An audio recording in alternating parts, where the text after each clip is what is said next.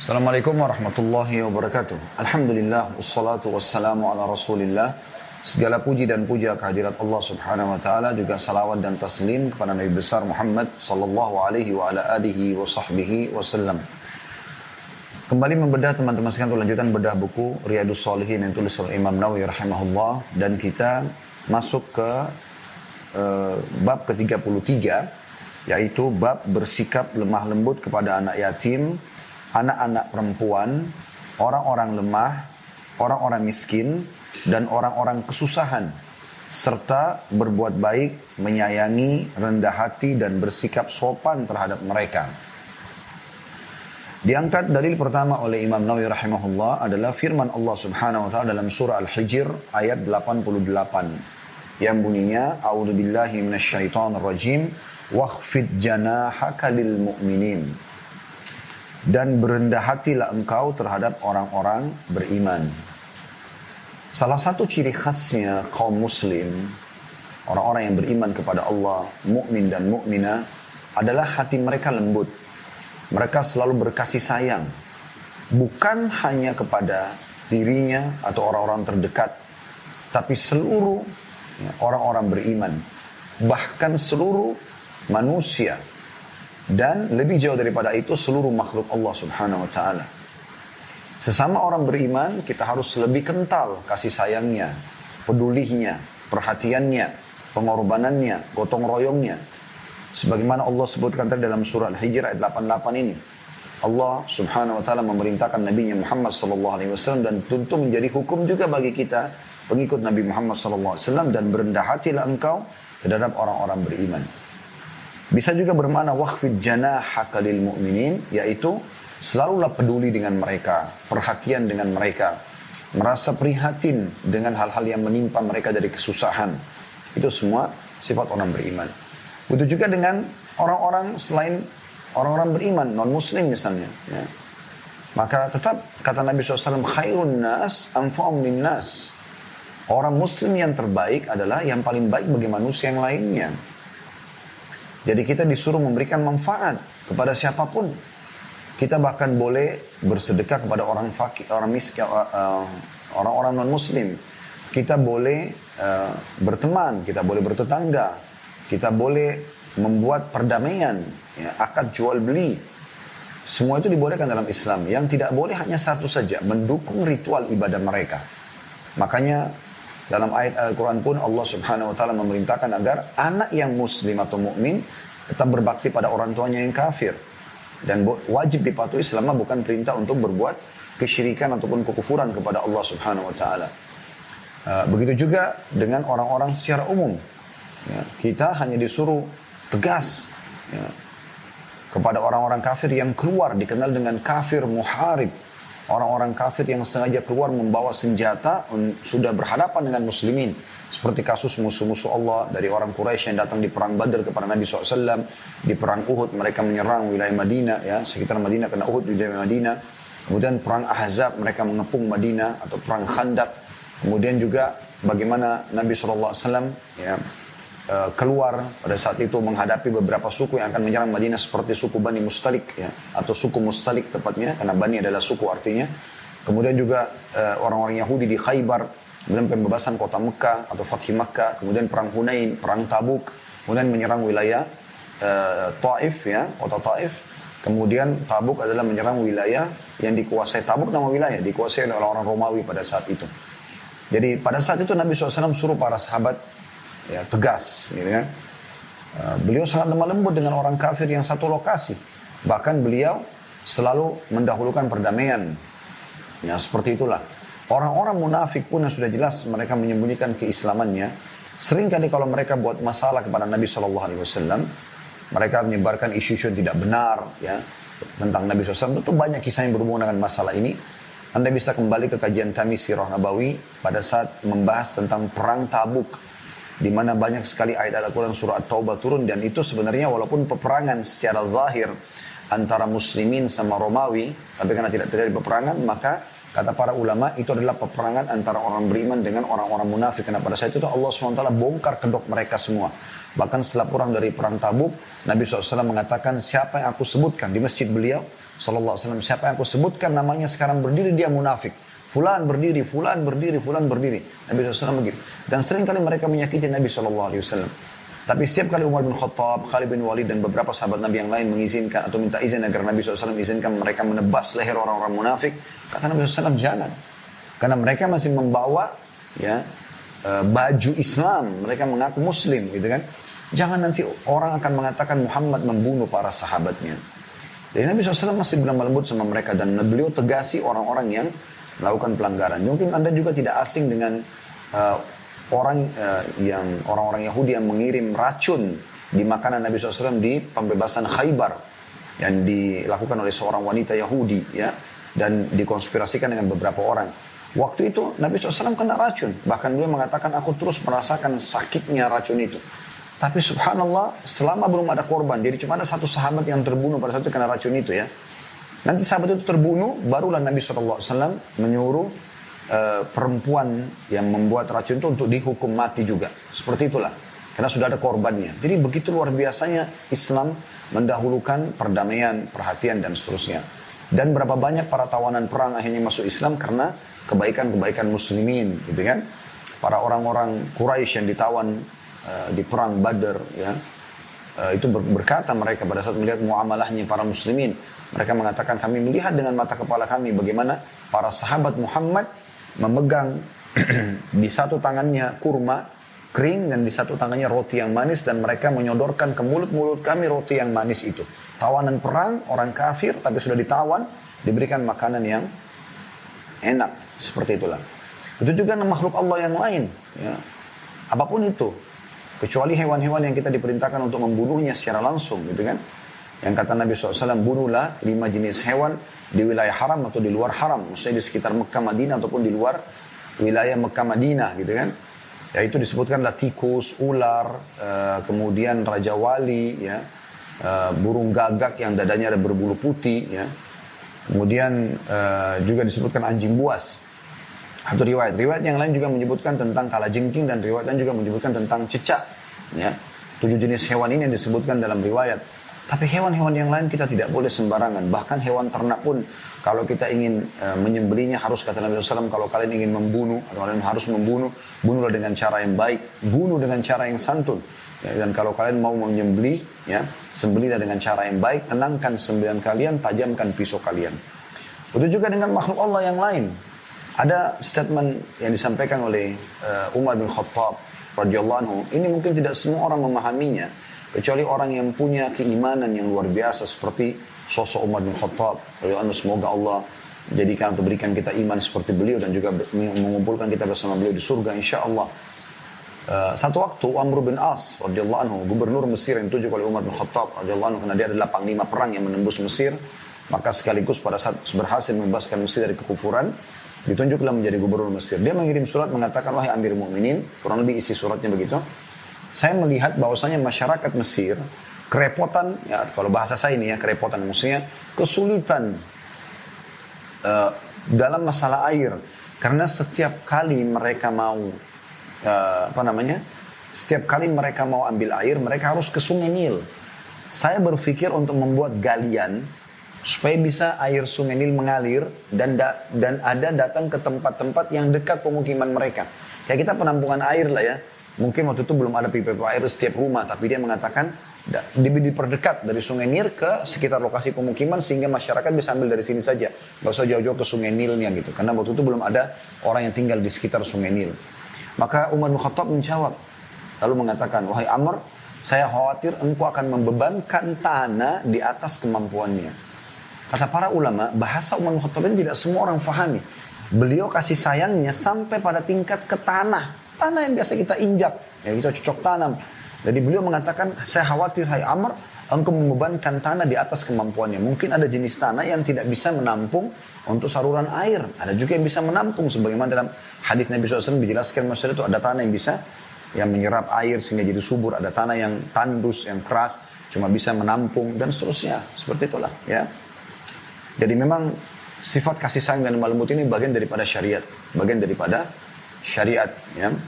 Bahkan kata Nabi SAW dalam hadis yang sahih, laisa sur'atu bil ghadab. Bukan keperkasaan, ya, kekuatan itu kebijaksanaan dinilai daripada emosional. Walakin suratu man malaka nafsu indal ghadab. Tapi kedewasaan, kebijaksanaan, keperkasaan dinilai pada saat orang bisa justru mengontrol emosinya. Nah, seperti itu kurang lebih. Juga Allah SWT berfirman dalam surah Al-Kahfi ayat 28 dalil kedua diangkat oleh Imam Nawawi rahimahullah bunyinya a'udzubillahi minasyaitonir rajim wasbir nafsaka ma'al ladina yad'una rabbahum bil ghadati wal 'ashi bil ghadati wal 'ashi yuriduna wajha wa la ta'du 'ainaka 'anhum turidu zinatal hayatid dunya.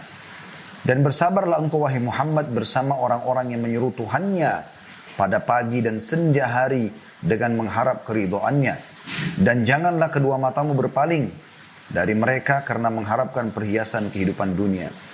Maksudnya, bersabar wahai Muhammad bersama dengan orang-orang yang miskin, orang yang susah. Yang penting mereka beriman.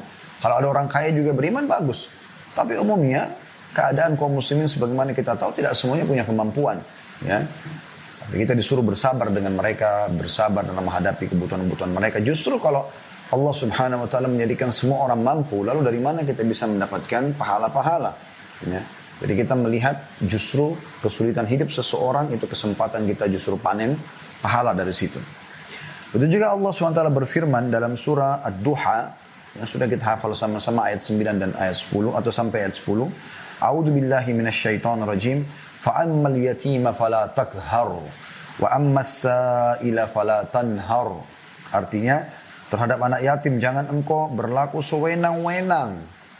Bagian pegang buku Riyadus Solihin ada footnote nomor 270 yakni jangan seenaknya mengambil hartanya karena dia lemah. Jangan engkau menghardiknya. Jangan membentak. Ya, tetapi berilah dia atau tolaklah dengan cara yang baik. Kata Allah SWT, maka terhadap anak yatim jangan engkau berlaku sewenang-wenang dan terhadap anak yatim dan terhadap orang yang minta-minta jangan engkau menghardiknya. Tidak boleh kita marah-marah. Ya. Ini kita sudah bahas kemarin, tepatnya hari Senin kemarin ada bahasan tentang uh, kalau saya tidak salah dunia hidup berkah dengan sedekah ya. Bagaimana konsep dasar seorang muslim sebagaimana dikatakan oleh para ulama salaf ya. Kita harus merasa lebih butuh terhadap sedekah yang kita keluarkan untuk kita keluarkan dibandingkan orang yang menerimanya. Gitu kan? Sehingga kita selalu merasa butuh mencari mana nih orang fakir kita bantu. Seperti itu. Dan itu konsep dasar dan fondasi dasar sedekah dalam Islam. Harusnya seperti itu. Ya. karena kapan kita merasa dia yang butuh maka kita akan sewenang-wenang dan Allah melarang dalam Al-Quran surah 2 ayat 9 dan ayat 10 ayat 10 terutama. Orang yang minta-minta jangan kau hardik mereka. Kau nggak tahu diri ke mana sudah saya bantu? Kau masih minta lagi dan seterusnya. Nah, usah berkeluh kesah. Allah subhanahu wa ta'ala yang menggerakkan dia untuk datang kepada anda sehingga maksimalkan kesempatan itu. Juga beliau mengangkat dalil yang selanjutnya yang keempat adalah surah Al-Ma'un ayat 1 sampai ayat 3 yang bunyinya a'udzubillahi minasyaitonir rajim yukadzibu bid-din fadzalika alladhi yad'u al-yatim wa la yahuddu ala tu'amil miskin. Tahukah kamu orang yang berdusta agama? Tanda tanya ya. Ada footnote nomor 271 di bawah, yakni mendustakan balasan amalan atau Islam. Ya. Jadi maksudnya dia bagaimana mendustakan, gak ada tuh surga, gak ada balasan amal soleh sehingga mereka tidak mau berbuat amal soleh. Itulah orang-orang yang menghardik anak yatim dan tidak mendo tidak mendorong orang memberi makan orang miskin. Artinya yang Allah Subhanahu wa taala menganggap dalam ayat ini orang yang mendustakan agama mereka tidak yakin dengan balasan kalau membantu orang miskin malah kita akan diberikan rezeki, kita akan terima dalam bentuk pahala hari kiamat. Itu mereka, justru karena itu mereka hardik para orang miskin dan para anak yatim. Untuk apa bantu mereka? Mereka kan bisa hidup sendiri, mereka bisa bekerja, mereka masih kuat. Banyak, seribu satu alasan yang dibisikkan syaitan lalu mereka mengiyakan. Tugas kita, saudaraku seiman, kalau ada yang minta adalah memberi, bukan menghardik. Dan tugas kita kalau ada kesempatan beribadah, eksekusi, bukan negosiasi. Bagaimana kita langsung eksekusi. Azan sholat. Orang miskin minta kasih. Kesempatan zikir langsung. Baca Quran langsung. Jangan tunda. Dan saya sudah bahasakan juga di pertemuan-pertemuan sebelumnya. Di kajian-kajian yang kitab yang lain. Kalau seseorang antara kita merasa malas mengerjakan sebuah ibadah. Maka pada saat itu berarti dia sedang diserang oleh syaitan. Tugas dia kalau diserang dia harus melawan. Kita lagi bangun tengah malam ngantuk, malas mau sholat. Lawan justru itu kan setan sedang mengganggu. Ya, Kata Nabi SAW, siapa yang terbangun di tengah malam, Kemudian dia eh, tidak ada seorang pun yang tidur kecuali setan akan ikat dengan tiga ikatan. Kalau dia terbangun dia berniat Allah berzikir maka lepas ikatan pertama. Kalau dia ya uh, berwudu akan lepas ikatan kedua. Kalau dia sholat akan terlepas ikatan ketiga. Berarti ada upaya kita harus melawan. Dan kata Nabi SAW, engkau akan temukan orang itu. Kalau dia lakukan tadi, berzikir bangun tidur, kemudian dia wudhu, kemudian dia sholat, ya, maka akan uh, engkau akan temukan ia adalah orang yang paling bahagia pada hari itu. Allah SWT lapangkan. Dan ini sering kali kami coba praktekkan hadis ini luar biasa. Walaupun kita cuma tidur 2 jam, 3 jam malam hari teman-teman sekalian. Tapi pada saat kita bangun ngantuk pun kita coba uduk ya. Terus coba uh, berzikir bangun tidur lalu uduk lalu sholat. Subhanallah. Habis itu pun sholat subuh di masjid. Habis sholat subuh seperti nggak mengantuk. Seperti nggak ada capek, nggak ada apa. Kuasa Al-Rahman. Kuasa Allah yang maha pengasih. Baik, kita akan masuk ke hadis pertama dalam bab kita ini. Hadis tepatnya urutan dari awal kita belajar Riyadus Solihin. Alhamdulillah, hadis nomor 265. Dari Sa'ad bin Abi Waqqas radhiyallahu anhu beliau berkata, "Kunna ma'an Nabi sallallahu alaihi wasallam sittata nafar." فقال المشركون للنبي صلى الله عليه وسلم اطرد هؤلاء لا يجترئون علينا وكنت أنا وابن مسعود ورجل من هذيل وبلال ورجلان لست أسميهما فوقع في نفس رسول الله صلى الله عليه وسلم ما شاء الله أن يقع فحدث نفسه فأنزل الله عز وجل ولا تطرد الذين يدعون ربهم بالغداة والعشي يريدون وجهه Hadis ini riwayatkan Imam Muslim. Kami pernah, kata Sa'ad bin Abi Waqqas radhiyallahu anhu, bersama Nabi SAW sebanyak enam orang. Maka orang-orang musyrik berkata kepada Nabi SAW, usirlah mereka. Ya, karena Nabi SAW waktu itu mau mendakwahi orang-orang Quraisy ditemani oleh enam orang. Enam orang ini menurut pandangan Quraisy adalah orang-orang miskin, orang-orang lemah. Ada putnot nomor 272, yakni enam orang itu. Semua disuruh usir. Nanti disebutkan nama-nama mereka ya. Maka orang-orang musyrik berkata kepada Nabi SAW, usirlah mereka agar mereka tidak bersikap lancang terhadap kami. Enam orang itu, kata Sa'ad bin Abi Waqqas, anu adalah saya, Abdullah bin Mas'ud, seorang laki-laki dari Huzail, Bilal, dan dua orang lagi tidak bisa saya sebutkan namanya. Maka terbestiklah di hati Rasulullah SAW apa yang Allah kehendaki.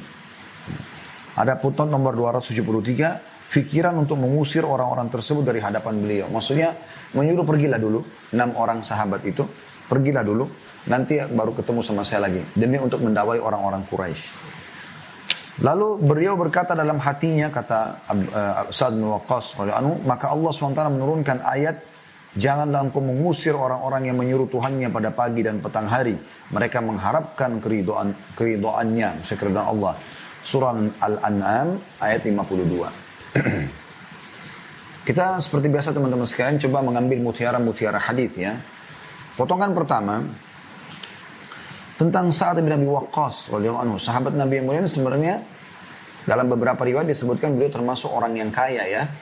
Mungkin kemungkinan besar yang dimaksud dalam hadis ini adalah di awal-awal uh, waktu mungkin beliau belum memiliki kekayaan seperti itu karena seingat saya uh, sahabat inilah Sa'ad bin Waqqas yang pada saat sakit keras dia mengatakan ya Rasulullah uh, saya memiliki harta yang banyak dan saya mau mewasiatkan seluruh harta saya Maksudnya supaya bisa jadi amal soleh buat dia pada saat dia meninggal.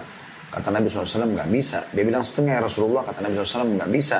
Uh, sepertiga uh, sepertiga ya Rasulullah kata Nabi SAW uh, sepertiga dan sepertiga juga masih banyak engkau meninggalkan keturunanmu dalam kondisi kaya lebih baik daripada mereka mengemis pada orang-orang sehingga keluarlah hukum boleh harta mayit sepertiga harta dijadikan sebagai tambahan amal saleh buat dia dan tidak boleh lebih daripada itu. Uh, Kemudian di sini kita lihat bagaimana kejelian Sa'ad bin Abi Waqqas radhiyallahu anhu untuk eh, menyebutkan nama-nama yang menurut dia nama-nama itu kalau disebutkan orang tidak akan terganggu gitu kan? Dalam arti kata tidak akan menilai negatif. Dan ada juga nama yang belum tidak sebutkan sengaja gitu pasti ada pertimbangan tertentu diambil dari perkataan beliau dan keenam orang itu adalah saya Abdullah bin Mas'ud, ada seorang dari Huzail, suku Huzail ini suku di Mekah ya, termasuk orang yang beriman kepada Nabi SAW. Bilal, ya, empat, kemudian ada dua orang lagi dari orang yang aku tidak akan menyebutkan nama mereka. Jadi potongan ini maksudnya adalah kayaknya saya tidak sebutkan karena kalau disebutkan dikhawatirkan nanti malah ada saja orang yang berpikir berbeda gitu ya. Atau mungkin orang juga tidak terlalu mengenal mereka. Seperti itulah. Ini potongan pertama yang bisa diambil dari hadis. Potongan kedua adalah faqala al-musyrikun bin Nabi sallallahu alaihi wasallam utrud haula'i la yajta la yajtari'una alaina. Jadi pada saat uh, usirlah mereka katakan orang musyrik Mekah itu, teman-temanmu yang enam orang itu Muhammad, jangan mereka mengotorikan. Di sini teman-teman sekalian perkataan ini betul-betul sangat menghina. Artinya kalau kau ingin mendakwai kami hai Muhammad cuma kau sendiri, yang lain tidak usah ikut. Dan itu menggambarkan tentang tradisi dan keadaan masyarakat Mekah pada saat itu teman-teman sekalian. Jadi mereka tuh luar biasanya mereka uh, apa namanya uh, terbiasa di Mekah menghina orang-orang yang miskin, menghina yang dianggap orang-orang yang lemah. Ya. Pokoknya begitu miskin aja sudah dianggap derajat yang kesekian, gitu kan. Nah, itu dianggap tidak akan mungkin bersama dalam majelis orang-orang yang kaya. Sementara kita dalam Islam terbalik, Justru kita disuruh merangkul orang-orang miskin. Itulah sebabnya Imam Nawawi rahimahullah mengangkat bab ini. Untuk justru menggambarkan tentang pondasi dasar. Salah satu pondasi dasar dalam Islam adalah bagaimana kita terbiasa berbaur dengan orang-orang yang tidak selevel kita secara ekonomi. Ya, kalau pemikiran orang-orang non-muslim, orang kafir itu, begitu kenalan sama orang, yang paling pertama yang ditanya adalah jabatannya, pekerjaannya, ya, kartu namanya. Itu yang pertama digambarkan karena dia Mau melihat ada masalah dunia atau tidak. Kalau ada masalahnya saya berteman, kalau enggak, enggak. Kalau kita dalam Islam tidak seperti itu. Kita punya konsep ukhuwah Islamiyah. Persaudaraan dalam Islam. Semua kita kenal. Nabi SAW itu ramah dengan semuanya. Orang miskin, orang kaya, laki-laki, perempuan, anak-anak, orang tua. Semua beliau sapa. Semuanya beliau tegur gitu kan. Semuanya beliau coba berbaur. Bahkan Nabi SAW sering kali bertanya tentang sahabat yang tidak dikenal namanya.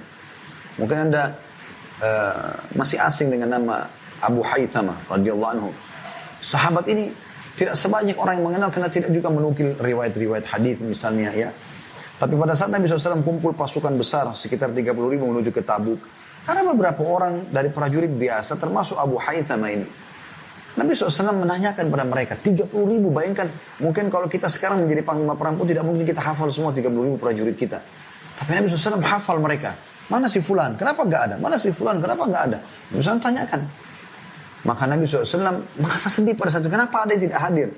Ya ada beberapa orang sahabat beliau tidak hadir. Termasuk Ka'ab bin Malik dan teman-temannya gitu.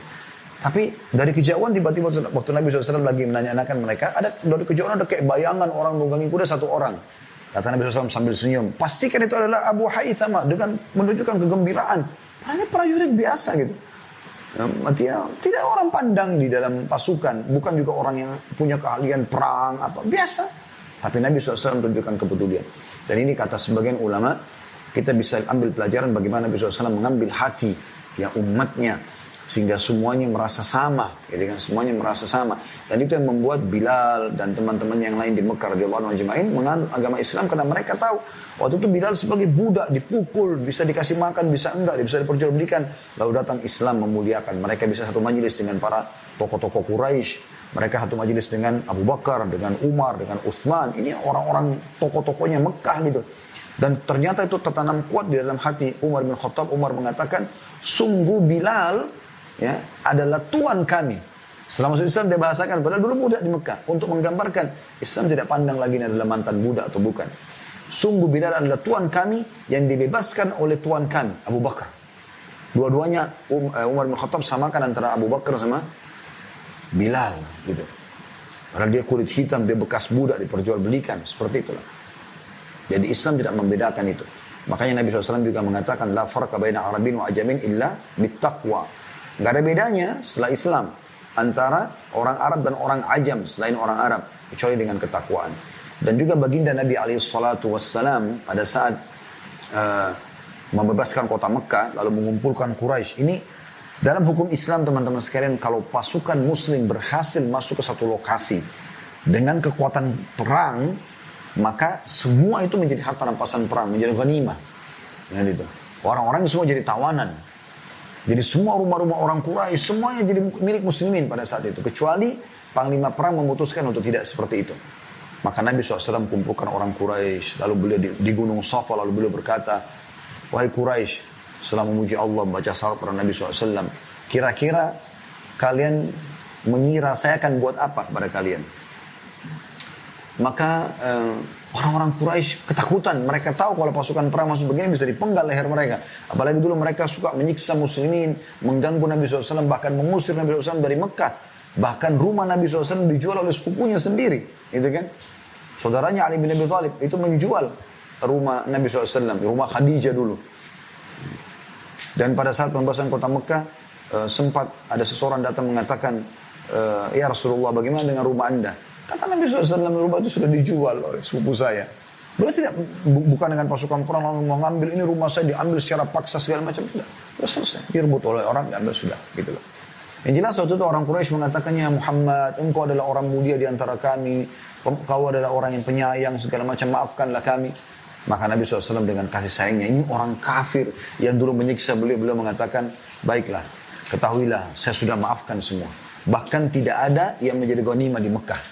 Rumah-rumah Quraisy, senjata mereka semua dibiarkan, gitu kan?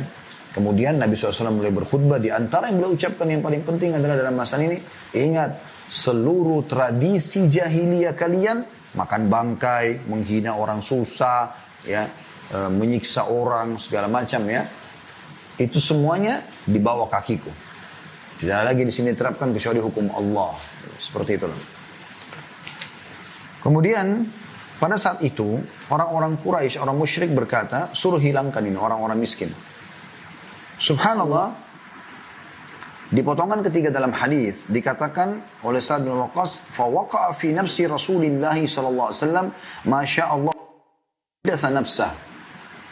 Kata beliau, terlintas di hati Nabi sallallahu alaihi wasallam ya, untuk melakukan itu. Maksudnya untuk menyuruh enam orang sahabat ini pergi dulu. Kenapa Sa'ad bin bisa tahu isi hati Nabi SAW? Apa sebabnya? Apakah Sa'ad bin bisa membaca hati? Tidak, tentunya. Dari mana Sa'ad Waqqas tahu masalah ini? Ya beliau tahu dari firman Allah subhanahu wa ta'ala yang turun setelah itu langsung dan Nabi SAW bacakan pada mereka.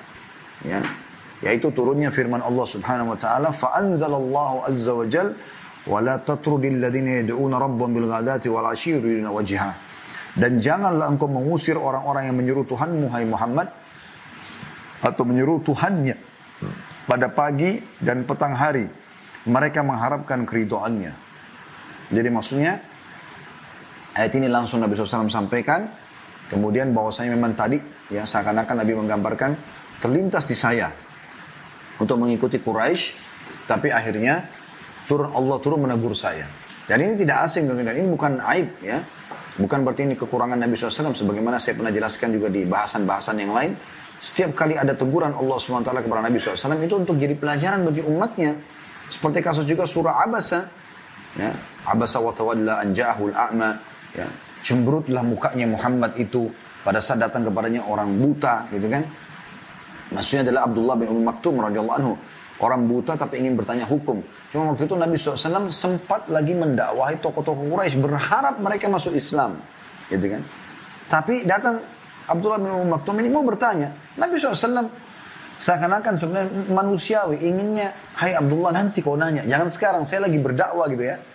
Dan wajah Nabi SAW sempat cemberut, Allah gambarkan, abasa wa tawalla, abasa itu maksudnya mukanya cemberut, dan tawalla kayak berpaling, itu teguran kepada Nabi SAW. Anja'ul amma pada saat datang kepadanya orang buta. Wa ma idrika la'allahu yazzakka. Bagaimana kota Muhammad, mungkin dia akan bisa mengambil ilmu. Ya, dan seterusnya. Jadi ini bukan satu kesalahan tentunya, uh, tetapi Allah Subhanahu wa taala dengan hikmahnya membuat ya uh, hukum keluar pada saat itu dan cukup banyak berhubungan dengan masalah dan Nabi SAW luar biasa tidak pernah menyembunyikan apa pun walaupun itu teguran Allah kepada beliau Sallallahu Alaihi Wasallam sama dengan kasus juga surat Tahrim ayat 1 ya bagaimana Allah SWT menegur Nabi Muhammad SAW pada saat beliau mengharamkan madu gara-gara ada cekcok di antara para istri beliau atau cemburu satu sama yang lain maka Allah melarang Nabi SAW untuk bisa kembali ke surat Tahrim ayat 1. Dan sekian banyak hal yang berhubungan dengan masalah itu. Baik, inti bahasanya adalah perkataan Quraisy ya atau orang-orang musyrik utrud haulai la yajra la yajtari'una alaina. Kalau kau mau dakwah kepada kami, Muhammad, usir orang-orang miskin itu. Nah, bukan selevel dengan kami. Maka Allah justru turunkan Al-An'am ayat 52 menegur Nabi SAW. Mengatakan jangan engkau mengusir orang-orang yang menyuruh Tuhannya pada pagi dan petang hari. Mereka mengharapkan keridhaan Allah. Pelajaran terakhir teman-teman dari hadis kita ini mutiara terakhir adalah bagaimana Allah SWT memuji secara khusus enam orang sahabat ini. Karena di sini Allah turunkan ayat khusus bahwasanya mereka inilah orang-orang yang suka berzikir kepada Allah di pagi dan petang hari. Walaupun tidak semua namanya sampai kepada kita, tapi insya Allah nama-nama ini mulia. Yang sudah ada nama disebutkan Sa'ad bin Waqqas, Abdullah bin Mas'ud, Bilal, dan yang tiga yang lain tidak disebutkan namanya.